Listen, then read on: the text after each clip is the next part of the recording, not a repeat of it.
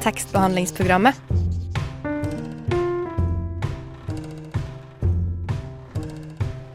Tekstbehandling på radio.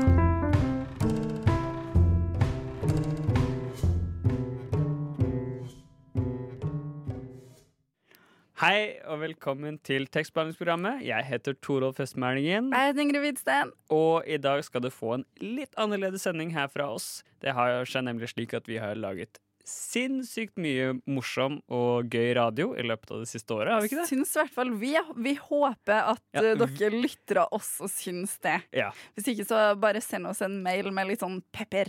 ja og mailen vår er Eh, Ingrid Serine Punktum Hvidsten, krøllalfa, gmail.com. Ja. Eh, Send pepper dit. Send ros til Torolf sin mail. ja, som er torolf.hostmalingen at gmail.com.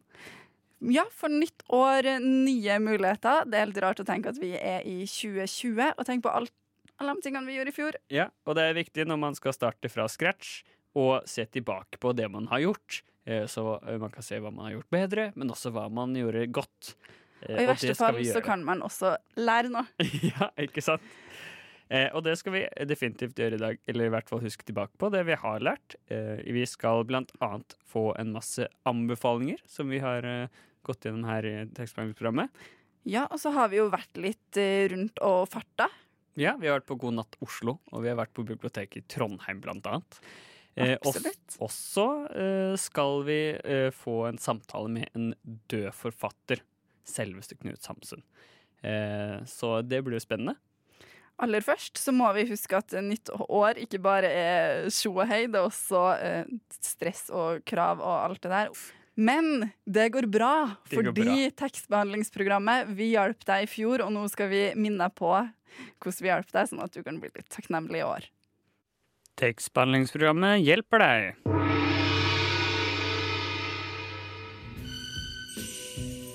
Jaså, du har fått en kvalifiseringsoppgave? Kanskje du har fått to, til og med? Kanskje stoffet er vanskelig, og du pga. influensa ligger tre uker bak skjemaet? Bare rolig. Med disse sju enkle tipsene kommer du garantert til å få en middels karakter med et middels til høyt stressnivå. Ikke pga. arbeidsmengden, men fordi du er en latsekk, og du vet det. Tips nummer én. Still alarmen din til klokken halv åtte, men snus til klokken ni. Dette vil uten tvil forvirre deg nok til at du må drikke to kopper kaffe og spise en god frokost i en times tid. Du får derfor ikke dratt på universitetet før klokken nærmer seg elleve. Perfekt! Tips nummer to. Bær alltid med deg alle bøkene dine, men for guds skyld aldri lese dem. På denne måten får du kjent på tyngden av din potensielle kunnskap. Men det faktum at du ikke leser i bøkene, vil stresse deg akkurat nok til at du ikke orker å se på dem. Tips nummer tre. Ikke jobb med oppgaven i mer enn seks timer, inkludert pauser. Ved å jobbe for lenge får du ikke utnyttet all den viktige fritiden du har. Med dette kommer en enkel huskeregel. Pauser aktualiserer utrolig spennende og etterlengtet romstering, også kalt pauser-regelen. Regel nummer fire. Begynn å skrive på oppgaven din som en kladd, men gjør denne om til din faktiske oppgave. Hvis du har gjort alt rett, vil du få utrolig mye halvferdige setninger og poenger å jobbe med. Supert! Har du glemt å sette sidetall på sitater og parafrisering? Ikke noe problem. Bare finn dem i bøkene du har i sekken, og på én, to, tre timer har du et vakkert sidetall på din referanse. Hurra! Tips nummer fem. Er klokken blitt fire? Dra hjem. Du er kanskje litt sliten, og dagen din startet så brått. Dessuten har du ikke skrevet de siste 20 minuttene. Du fortjener en liten pause. Resonner slik, og du kan dra hjem klokken fire, eventuelt når du vil. Du kan jo selvfølgelig lese hjemme, siden du har bøkene i sekken. Tips nummer seks. Gå for tegn over innhold. Husk at du ikke trenger å skrive mer enn 2300 tegn ganger antall sider minus 10% Dette er viktig da det ofte gir et voldsomt slingringsmonn. Så lenge du bruker voksenord, burde denne oppgaven gå helt fint. Med disse sju enkle tipsene får du en middels oppgave.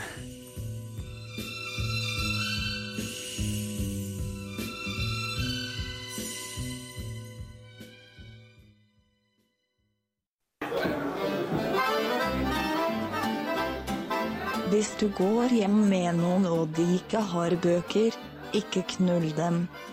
Hilsen tekstbehandlingsprogrammer.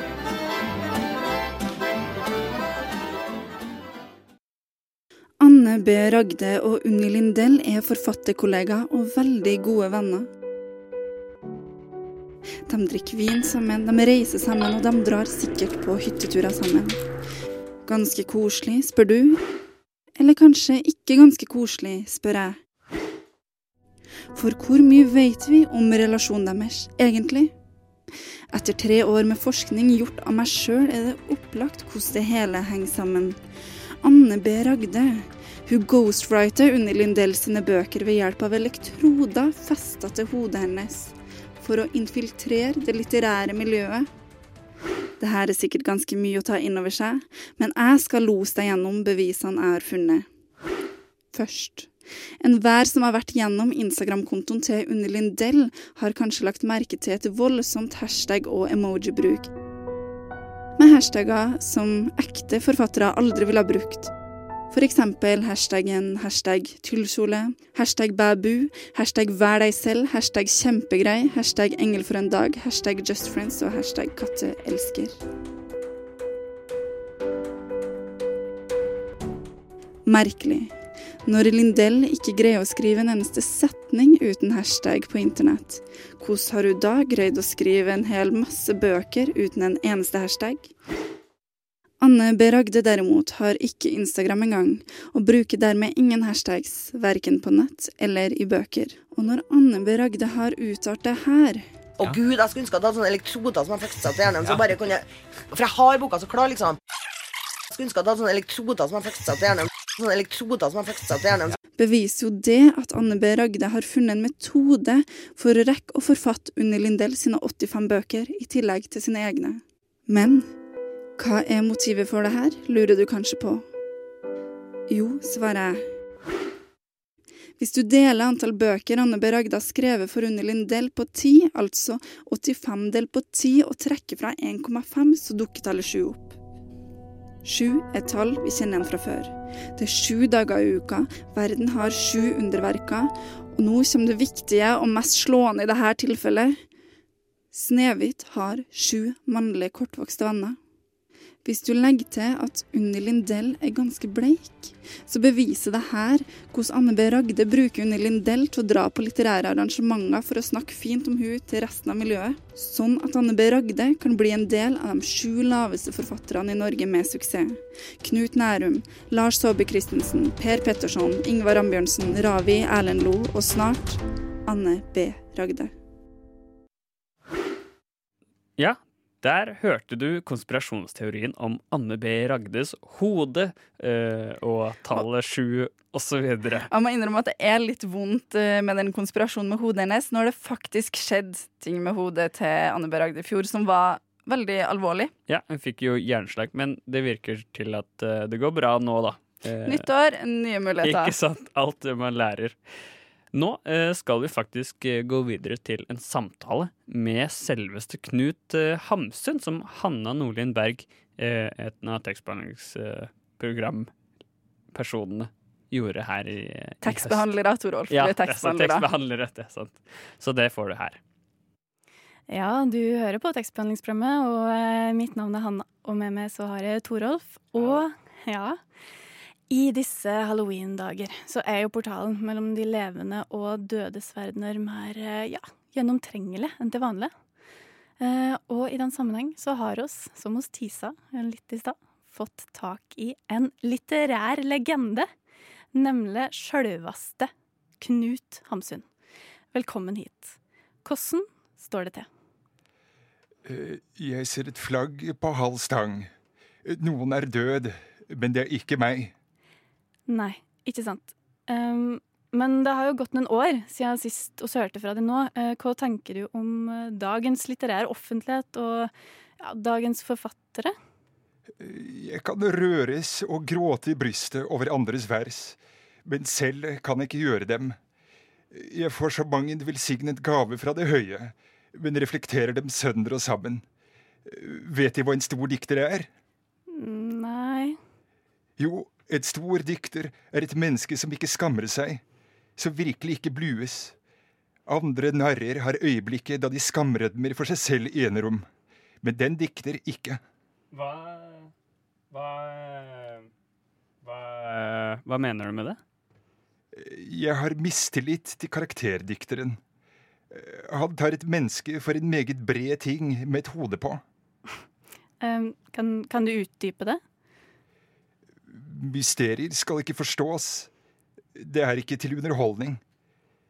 Men vil man forvanske og utviske store og hellige forestillinger, da skal man forklare mysteriet, gjøre det lettfattelig, trekke det ned til et kirkepublikums forstand, amerikanisere det. Du liker ikke å forklare så mye? I førstningen jeg bodde her, prøvde jeg å forklare dem at jeg ikke hadde drept noen, ikke stjålet noe eller satt ild på et hus, men det gjorde ikke inntrykk på dem. Det kjedet dem. Nå forklarer jeg ingenting mer, for det er ingenting å gjøre vesen av. Uh, så du mener ikke at du gjorde noe galt mens du levde? Jeg holder det alminnelige omdømmet nokså høyt. Jeg holder vårt norske rettsvesen enda høyere. Men jeg holder ikke like høyt som jeg holder min egen bevissthet om hva som er godt og ondt. Hva som er rett og galt. Jeg er gammel nok til å ha en rettesnor for meg selv, og dette er min. Ja. Uh, men hvis du skulle leve en gang til og fikk velge fritt, hvem ville du vært da? Jeg vet ikke om de interesserer dem videre for trær. Jo, ja. Trær er fint, det. Det er besynderlig, men jeg føler meg i et hemmelighetsfullt slektskap med hvert tre i skogen. Det er som jeg har tilhørt skogen en gang. Når jeg står her og ser meg om, farer liksom en erindring gjennom mitt hele menneske.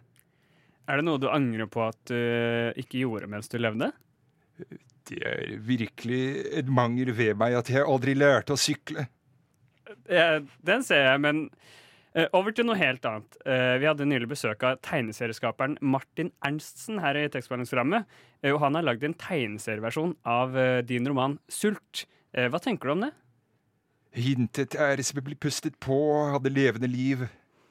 Det er jeg sikker på at Martin blir glad for å høre. Det moderne sjelesliv er en verden hvor i alt rører seg. Et dyp av mimoser, hvor i vinden puster. Ja, nettopp. Men du har jo skrevet ei ganske skummel novelle som heter Et spøkelse. Og den handler om en gutt som har funnet ei tann på en kirkegård og tatt den med seg hjem igjen. Og lurte på om du hadde lyst til å lese litt fra den. Uh, er det noe mer du vil si om den først? Forstand er ingen ringe ting å få tilbake når den er tapt. OK. Ja.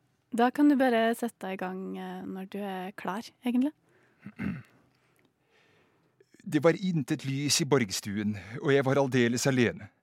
Jeg torde ikke uten videre tenne lampen før gårdsguttene kom, men kunne klare meg med lyset fra trekkhullet på kakkelovnen når jeg fikk god ild på.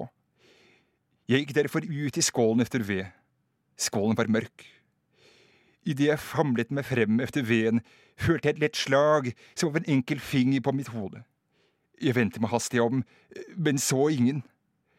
Jeg kavet omkring meg med armene, men følte ingen. Jeg spurte om det var noen til stede, men fikk intet svar. Jeg var barhodet, jeg grep opp til det berørte sted på mitt hode og hølte mot min hånd noe isende koldt, som jeg slapp slaks, slapp straks. Dette var da underlig, tenkte jeg. Jeg den opp til håret, da var det kolde borte. Jeg tenkte, hva om det var for noe koldt som falt ned fra taket og traff meg i hodet? Jeg tok et fang ved og gikk inn i borgstuen, fyrte i ovnen og ventet til det begynte å lyse fra trekkhullet. Så tok jeg tannen og filen frem.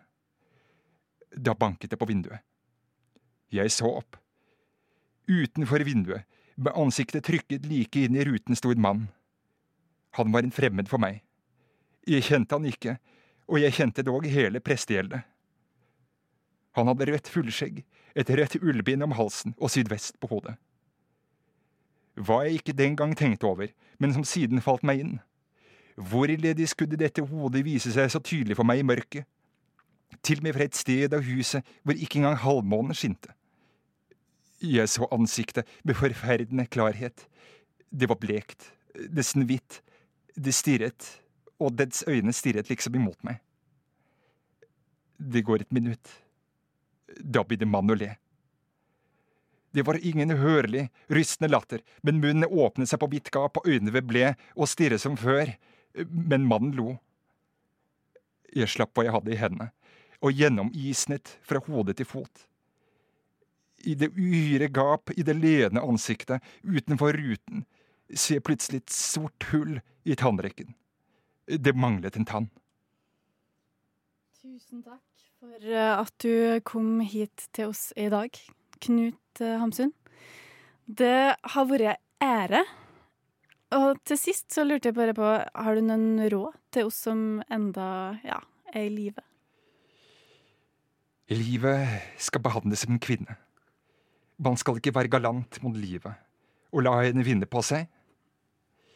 Man skal gi seg og gi seg og la alle skatter ligge. Tusen takk. Det skal vi ta med videre. Da skal vi høre ei låt. Eh, Den heter 'Overgrown' av Dayo. Hei, jeg heter Aune, og du må høre på tekstbehandlingsprogrammet. Fordi kunnskap og viten, det er det mest vidunderlige på denne. Jeg har nylig lest en bok jeg har klart å legge fra meg etter hvert kapittel, slik at jeg kan spare den lengst mulig. Fullstendig ulikt meg og nærmest uhørt før denne boka fant sin vei inn i mine hender. Men Freakonomics, som er skrevet av Stephen J. Dubner og Stephen D. Levitt, som sammen utgjør den perfekte forfatterduo. Stephen Levitt er en professor i økonomi ved Universitetet i Chicago, og i utgangspunktet totalt uinteressert i å skrive en bok midt oppi alle økonomiske forunderligheter. Stephen Dubner, prisvinnende forfatter, journalist og mediepersonlighet, kunne definitivt skrive bøker, men han kunne lite om økonomi.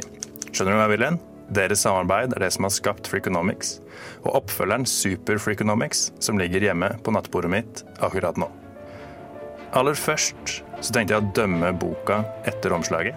Jeg vet man egentlig ikke skal gjøre det når det kommer til bøker, men hvorfor ikke? Omslaget til Freakonomics har, i Penguin-utgaven som jeg er, en overvekt av oransje.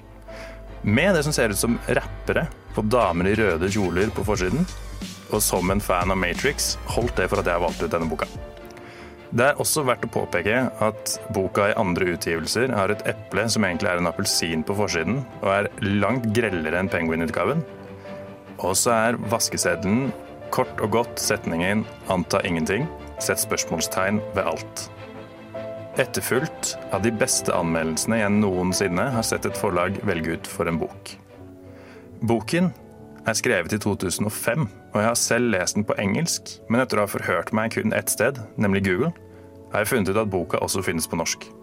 Først og fremst må det bare presiseres at denne boka passer perfekt for folk som studerer, har studert eller vil studere samfunnsøkonomi. Og for alle andre som ikke studerer, har studert eller vil studere samfunnsøkonomi. Freakonomics forklarer på en briljant måte hvordan økonomiske teorier kan forklare spørsmål man stiller når man tar kjempelange dusjer. Som typisk hvorfor alle doplangere bor hjemme hos sin mor, hva som er likheten mellom sumobrytere og lærere i Chicago, og hvordan Klu Klux Klan er prikk likt en gruppe med eiendomsmeglere. Alt dette, og faktisk mer, blir besvart i boka. Og til alle dere samfunnsøkonomer der ute som savner litt heksjerolin og snakk om land som produserer tøy eller teknologi, så inneholder boken flotte tabeller som illustrerer og støtter forklaringene de kommer med. Hvem skulle ha trodd at man som doplanger i Chicago har en 25% sannsynlighet for å bli drept, mens man som dødsdømt fange i Texas, som drepte flest fanger i USA, kun hadde en 4,8% sannsynlighet for å bli drept? Bare for å trekke frem ett av mange eksempler.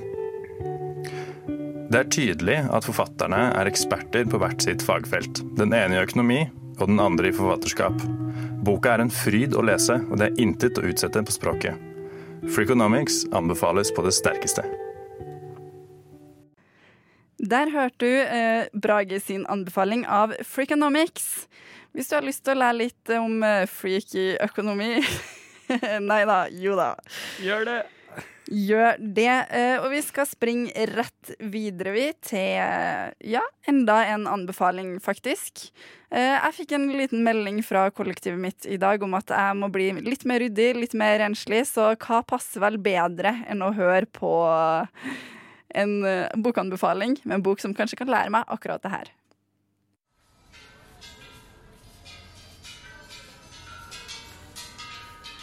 Jeg leser sjelden selvhjelpsbøker, om jeg gjør det, så er det godt innpakket i et teppe av selvironi.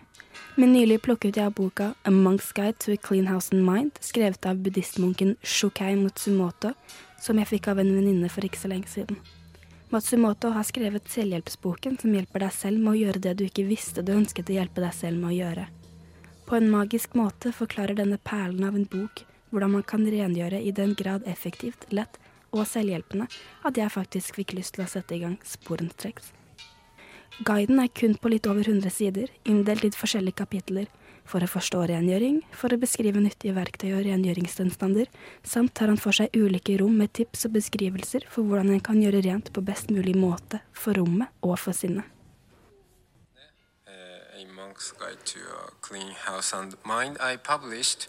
Uh, seven years ago in Japanese initially, and uh, after that, this book uh, has been translated into over uh, 15 languages uh, across the world. Det er tydelig at boka er skrevet fra en japaner sitt perspektiv, med utgangspunkt i japanske verktøy og buddhistiske gjenstander som må rengjøres. Men de små tipsene og triksene relevant i min hverdag i Oslo kommer overraskende innimellom alle de japanske glosene I tillegg lærte jeg så mangt. Matsumoto nevner de japanske arbeidssokkene Gunsuko, som sammen med de simple Zeta-sandalene mest sannsynlig har gitt opphav til Hipster-Norges sokker i sandaler-trend. Og ikke minst fikk jeg vite hvorfor toalettet er det viktigste rommet å rengjøre. Og det er ikke av de naturlige grunnene jeg tidligere tenkte det var. Yeah, Chula Pantaka, one of the 16 arahats, and uh, Pantaka's brother. And so, uh, as you see, as a disciple, he was exceedingly dull and stupid. Uh, he could not apply his mind or commit to memory even one stanza of doctrine. So the Buddha gave him the words get rid of the dust, get rid, rid of the impurities, and told him to sweep the floor uh, as his practice. Eventually, he started to think about the meaning of the words and thereby attained realization. Det som gjør mest inntrykk på meg, er nok hvordan Vasking og rydding kan omfavne alle deler av min hverdagsfilosofi. Ikke drepe andre levende vesener unødvendig, gjenbruk og begrensning av avfall. I tillegg beskriver Matsumoto enkelt hvordan vasking og rydding, som man vanligvis vegrer seg over, vil endre sin funksjon hvis man bare endrer hvordan man ser på det. Muligens kan man oppnå et slikt nivå av avslappethet at man kan gå resten av dagen og nynne uten å tenke over det. Matsumoto nevner så ofte viktigheten av hvordan min omgivelse ser ut, for det har stor påvirkning på min indre ro. Alt fra sakene gjemt i skuffene til måten jeg bruker klærne mine, reflekterer hvordan jeg takler verden. Og som flere anerkjente anmeldere har påstått, så er boka og tipsene overraskende beroligende. Mm, when I uh, meet my friends uh, abroad, uh, everybody just think of sitting meditation when I uh, when I talk about Zen. But actually, uh, monks put more time on uh, cleaning than sitting meditation. Som zen-buddhistene sier, sengo saidam, ikke vent med det til i morgen. Kanskje du skal gå inn på YouTube og se foredraget Shukai Matsumoto holdt på Japan Society, som jeg med mellomrom har spilt av lydklipp fra i dette innslaget. Eller kanskje du bare skal gå til nærmeste bokhandel og kjøpe boka. I hvert fall, ikke vent med det til i morgen. Um, this is my statement. Uh, 99% of your body and mind is made of your routines. So, uh, having good routines makes you good and the earth uh, sustainable. Uh, it's time. to finish. Thank you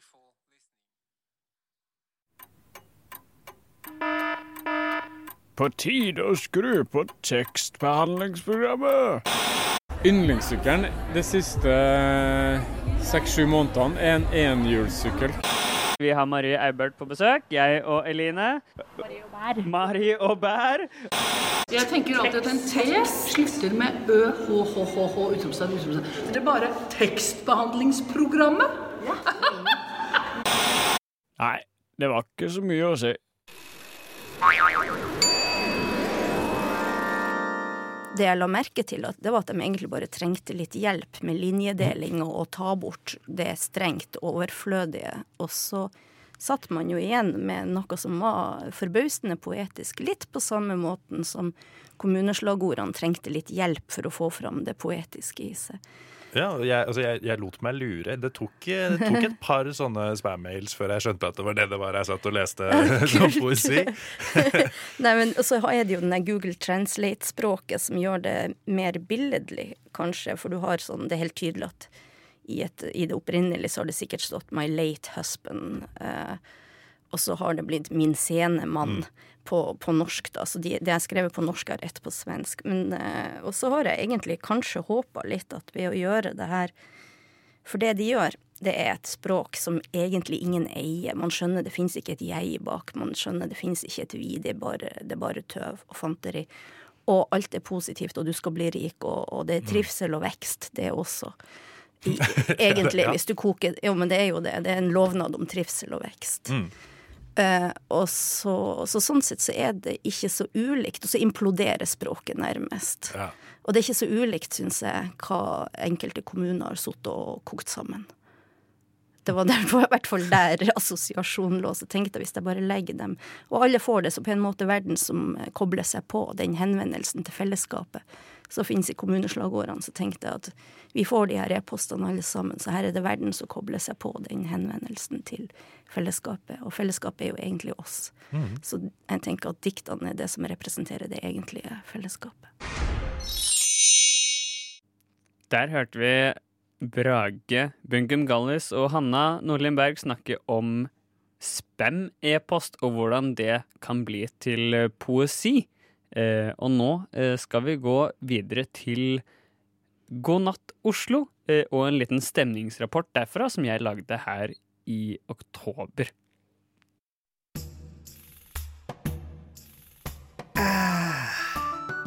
God natt, Oslo. Endelig var jeg her.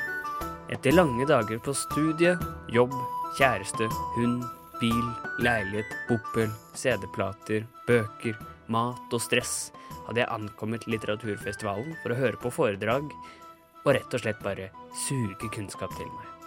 Det første foredraget jeg skulle på, var med den svenske forfatteren Johanna Frid. Jeg skyndte meg inn i festivalteltet, en slags hjort oppført med noe lerret og aluminiumsrør, og fant meg en god plass tett på scenen for å få med meg hver minste detalj. där vissa känslor helt enkelt inte har någon plats utan avskrivs per... Men så merket jeg en tørst stige opp i meg. Den måtte slukkes sporenstreks.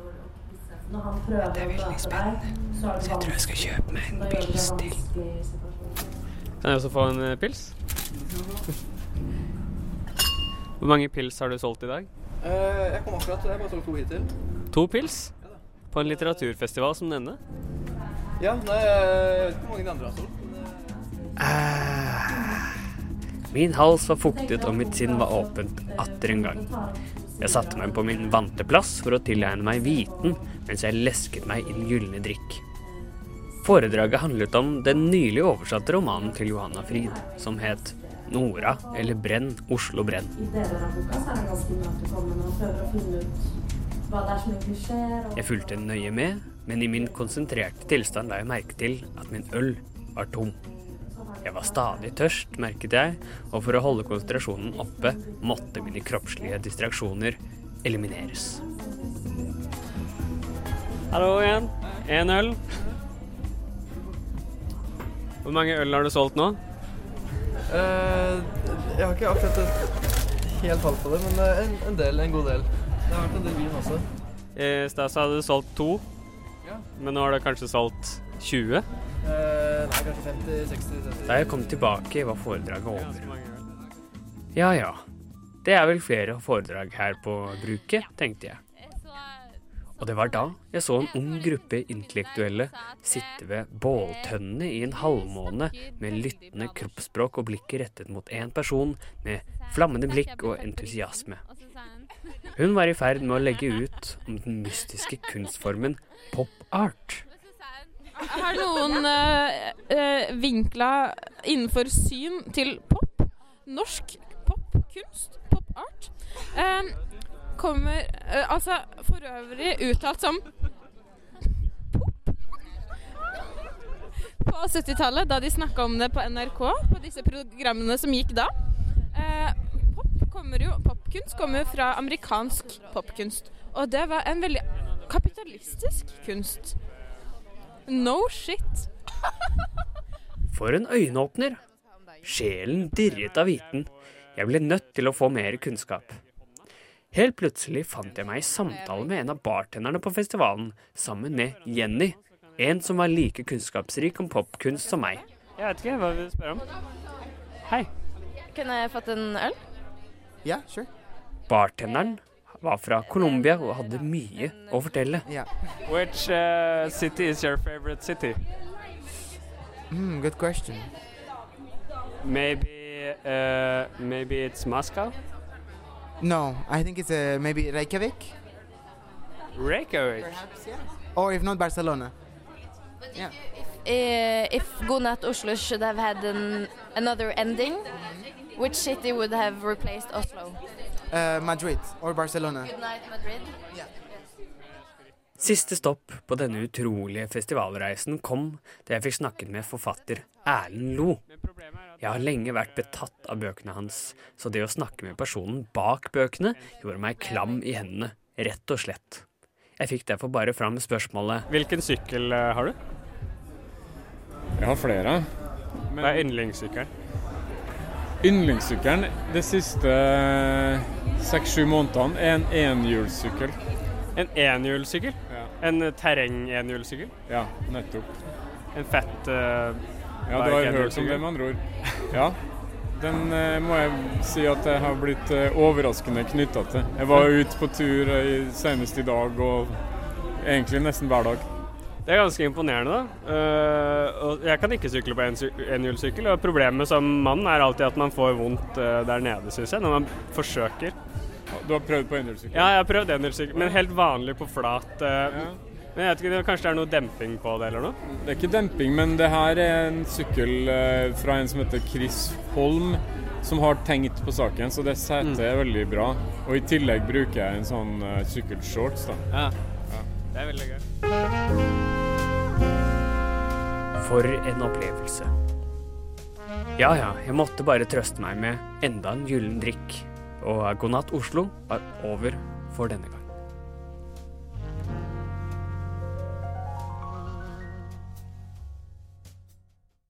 Har du en anbefaling? Ja, jeg har en bokanbefaling. En uh, litterær anbefaling? Det må ikke være litterært. Jeg tenkte egentlig å anbefale eh, Tekstbehandlingsprogrammet. TBP. Takst, takst, tekstbehandlingsprogrammet. Tekstbehandlingsprogrammet. Det er jo en super, super anbefaling. I Norge snakker vi om de trygda hele tiden. Til og med hver uke på Statskanalen sitter et begeistret publikum og roper i kor. De har til og med fått sitt eget verb. Å nave, jeg naver, han eller hun har navet. Naver har blitt et skjellsord. I midten av august kom boken 'Mamma er trygda'. Og jeg, som mange andre, må innrømme at jeg var litt skeptisk.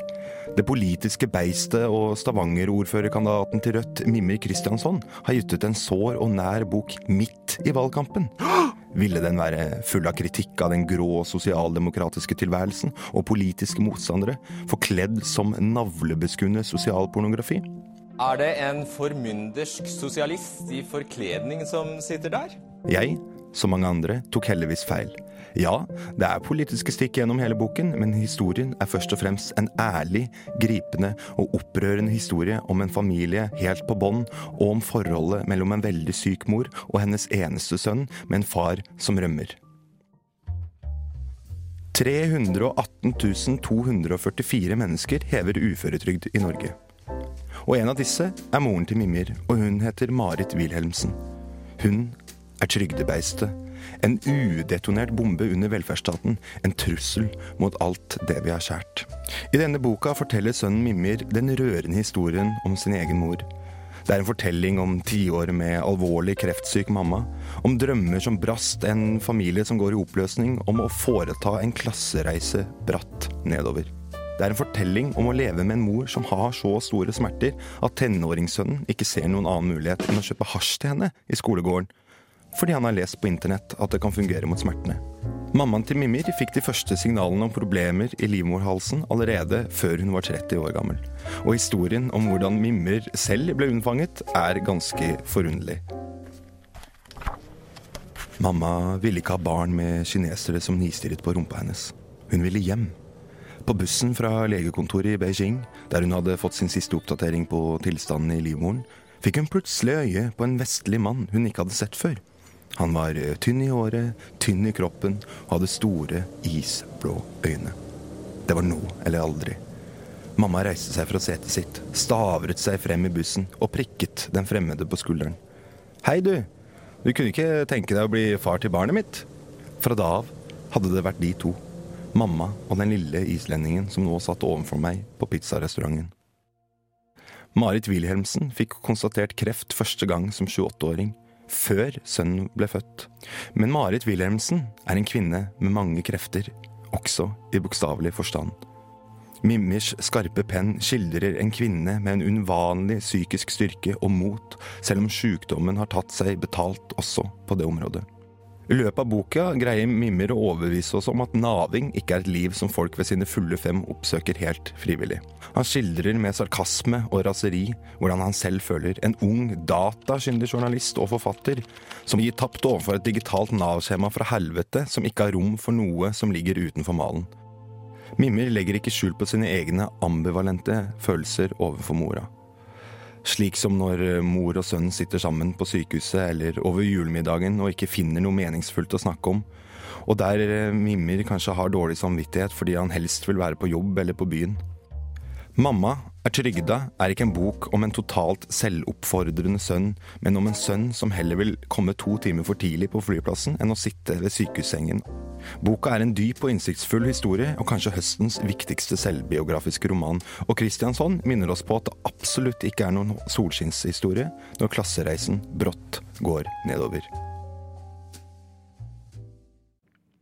Du hørte nettopp en anbefaling av 'Mamma er trygda' av eh, August. Og vi går eh, rett videre, for eh, hvis du ikke husker så mye fra i fjor, så er det greit. Alle har det visst sånn. Ja. Og det vi skal høre nå, er et lite gjenhør da vi snakka med Ylva Østby om hukommelse. Jeg skjønner fortsatt ikke helt hva det er. Kan du Nei. si det for sånn uh, nevropsykologi for dummies? Ja. Uh, nevro, nevropsykologi for dummies er at uh, eh, du syns at du husker litt dårlig. Og så går du til fastlegen din og så sier du 'Hei, legen, jeg husker veldig dårlig. Er det noe galt med meg?' Og så sier fastlegen 'OK, da kan du gå til nevropsykologen, så får du testa hukommelsen din'. Og så kommer du til meg, og så stiller jeg deg mange vanskelige spørsmål og ber deg huske forskjellige ord og tegninger og sånn. Og så, ja, så får vi et resultat, og så sier jeg litt om eh, Ja, nei, kanskje Ja, du sier du husker dårlig, men faktisk er det ikke så ille som du tror. Eller ja, det var kanskje ille. videre. Og så jobber vi mye sammen med nevrologer, altså leger, og også med pedagoger eh, og andre faggrupper, da. Vi må jo videre, men jeg er så nysgjerrig. Husker, husker folk dårlig? Sånn generelt? Vanlige folk? Ja. folk. Du, det ble jeg veldig, det ble veldig Ja. letta av å høre. Ja, for jeg er sånn type som tenker eh, jeg får demens i en alder av 45, for jeg husker ingenting nå. Ja. Husker Ja. du spesielt godt sjøl? Nei, jeg husker kjempedårlig. Åh, det var Eh, også Mannen min godt må oppdatere meg på mitt eget liv, nærmest. OK. Mm. Uh, jeg, jeg er blitt letta. Så, sånn, at- sånn at hvis vi glemmer noe som programledere her eh, eh, i denne sendinga, så er ikke du her for å arrestere oss. Nei, nei, absolutt ikke. Jeg er veldig tilhenger av å normalisere Ja. og gjøre det litt mer eh, ja, gjør det litt enklere å ha hukommelsesvansker også. Nettopp fordi vi alle har en eh, veldig begrensa hukommelse. Og hvis vi bare kan tillate det litt mer, da, så blir det også litt lettere for de som faktisk har en nevrolo nevrologisk sykdom. Ja. Åh, det var godt. Lettelsen? Lettelsen. Lettelsen er til stede i studio. Lettelsen fyk ut av studio. Ja. Nei, lettelsen er til stede. Ja, den er til stede. Mens, mens, bekymringen, Bekymringen, ja. Det er dem som fyk. Hallo, mitt navn er Knut Nærum, og du hører på tekstbehandlingsprogrammet. Jeg går i hvert fall ut fra at du gjør det. Jeg tenkte vi skulle snakke litt om halloween. Ok. Ja, men Skal vi ikke lage litt sånn lyder eller noe? Jo, vi kan lage litt uh, skumle lyder. Hva med piano?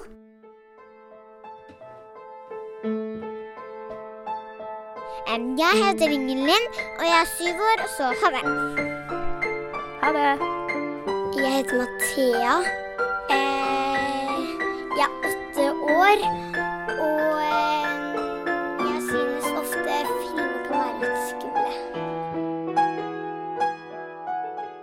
Hva er det skumleste du vet? Jeg syns det er litt skummelt når eh, eh, noen eh, skremmer meg. det er um, em, Hvis det er en sånn menneske under garasjen, Et menneske under garasjen? ja, så er det bare fake. Ja. Og så er det sånne, ne, sånne skumle musikker og sånn.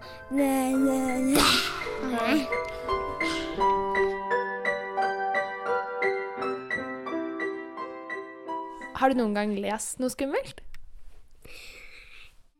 Jeg holder på med Kattekrigerne, og så har jeg lest eh, Ja, eksempel Narnia. Det glemte jeg å fortelle om. Eh, pappa lest Narnia. Det var sånn at de får en ring de tar på, og så, eh, og så er det en som ikke vet hvordan man Syns du det er skumlere å lese skumle ting selv, eller å bli lest for? Når det er noen som leser eh, for meg. Fordi liksom Det er liksom litt vanskelig å høre det inni seg når man hvisker, fordi jeg kan ikke lese så høyt. For da hører de andre det, og det blir litt forstyrrende. Nå er det snart halloween. Ja. Tror du det blir en skummel kveld? Jeg er ikke så redd, men det blir ganske spennende. Skal du kle deg ut som noe skummelt? En, en vampyr, fordi jeg dro på Storo, og da kjøpte vi eh, en vampyrdrakt, og den var ganske kul. Og sånn langt sånn eller hva det nå var. På forrige halloween, den forrige, da, skal, da var jeg heks. Og denne halloween skal jeg være en em, eh, et skjelett med skjørt og en hatt, en drakt. Der skal også blod Det blir sånn derre eh, Oh my god, du ser sånn blod ut. Sånn der, da.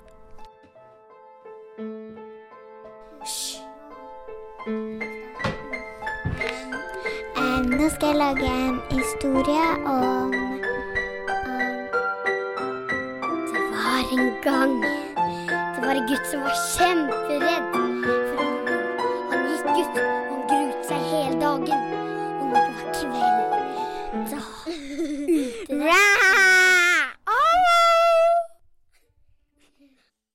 Ja, og der fikk du Katrines innslag om skumle ting eh, med hjelp av Thea og Moline.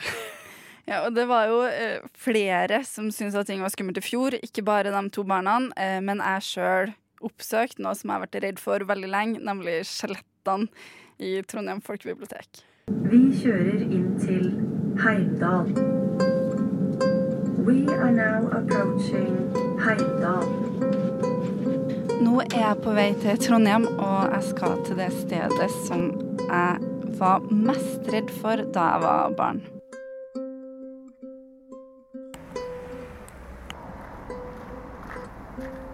Det er litt rart egentlig at eh, når jeg alltid har vært så glad i bøker, at det stedet jeg var mest redd for at foreldrene mine skulle ta meg til, var biblioteket.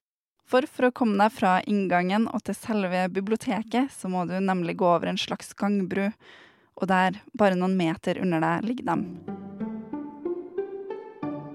skjelettene. Jeg tenkte aldri på hvorfor de hadde skjeletter liggende på utstilling i Trondheim folkebibliotek. Det eneste jeg tenkte på, var ikke gjené, Ingrid, se rett fram, ikke gjené, rett fram. Men nå er jeg altså her. Litt eldre, litt klokere og kanskje også litt mindre redd. Jeg skal møte noen som endelig skal fortelle meg hva som er greia til det her biblioteket.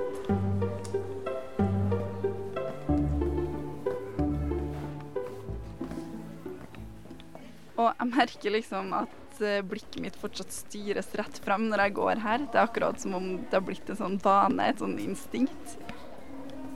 Når jeg har kommet meg forbi det stedet jeg lukka øynene som barn, så ser jeg en langt kvikkere og ganske mye mer levende person stå foran meg. Hallo. Er det du som er Bjørnar? Eh, grunnen til at det er skjeletter i biblioteket, eh, er at eh, biblioteket ligger på historisk grunn. Eh, og inngangen fra Kongensgata har bl.a. spor etter Olavskirka eh, tilbake på 1100-1200-tallet. Og rundt kirkene så var det naturlig nok eh, gravplasser. Eh, og de gravene som er, eh, eller de skjelettene som er fremstilt her på biblioteket, de er noen av de som ble funnet i nærheten av kirke, kirkebygget, som da var reist en gang i tida. Og de var da sannsynligvis ja, mer velstående personer eh, i da det Trondheim i det, på den tida, siden de lå begravd så nærme kirkeveggen som de gjorde. De var jo, de var jo spent, altså det Biblioteket er jo fra 1988. eh, og skjelettene Det ble jo bestemt eller. Man lurte på hvordan man skulle fremstille de arkeologiske funnene. Da var man veldig spent på hvordan folk ville ta det her, men alle, ikke alle, men de aller fleste tilbakemeldingene i starten var positive. Eh, og det har det vel egentlig vært i all tid eh, etterpå. Eh, de fleste som kommer her er nysgjerrige, og små barn går og peker. og Man får jo òg sjansen da til å fortelle litt om livet og døden, og det òg hvis man kommer som foreldre eller Men er det flere som er som jeg var, som er redd? Jeg vil tro at det vil være noen som har vært redd, eh, men vi, vi har ikke fått mange tilbakemeldinger om barn som har eh, vært redd for å komme på biblioteket pga. skjelettene. Det har vi ikke. Det har vært mer eh, fascinasjon hos de, hos de aller fleste. Har du noe siste råd for meg når jeg skal gå forbi noe her etterpå? Eh, noen råd eh, De er jo ikke skumle. Eh, Og de, de, de, kom, de, kommer de ligger stille, for, for å si det sånn. Eh, Og det kan kanskje være en idé å bare, hvis man klarer, å bare stoppe opp og se på de og reflektere kanskje litt over eh, tiden som var, og, og at det er, det er en del av Trondheims historie, sånn sett. Når jeg går derfra, så prøver jeg å tvinge meg sjøl til å kikke ned. Olavskirkens ruiner. Skjelettene de stirrer øyeløst tilbake på meg, som de har gjort i mange år. Du står her. OK, jeg husker det som veldig mange flere.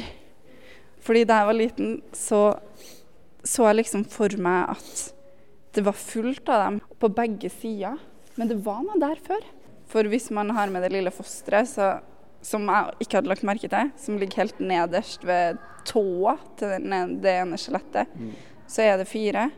Jeg så det for meg som en massegrav i skjeletter på begge sider, og at det var på en måte ingen sider av den broa her som var trygg å se på. Men når jeg ser det nå, så er det jo, det er jo på en måte ikke så voldsomt som jeg husker det. Det er jo ikke det. Men eh, det er jo litt voldsomt med at det ligger et lite foster der, fordi det hadde jeg jo ikke sett før. Så det, det gjorde at jeg syntes at det ble litt ekkelt igjen. Skjelettene. Jeg syns fremdeles ikke de er noe særlige. Det var alt vi hadde for dere her i eh, dag på tekstbehandlingsprogrammet. Vår lille årskavalkade fra 2019. Ja, kan nesten kalle det en liten paradesending for alt det gøye vi har gjort eh, i fjor. Eh, men hvis du ser uh, framover, så eh, blir det selvfølgelig tekstbehandlingsprogrammet. eh, tekstbehandlingsprogram hver onsdag klokka ti eh, utover eh, våren også. Eh, så du skal ikke gå slepphendt ifra. Og det er godt at eh, selv om det er mye nytt når det er nytt år og nytt tiår, så er det én ting som du vet består. Tekstbehandlerne i dag, det var eh, meg, Torolf Østmargen. Og det var meg, Ingrid Widsten, og det var faktisk vi som også styrte teknikk i dag. Flinke. Vi ses neste uke. Tekstbehandlingsprogrammet.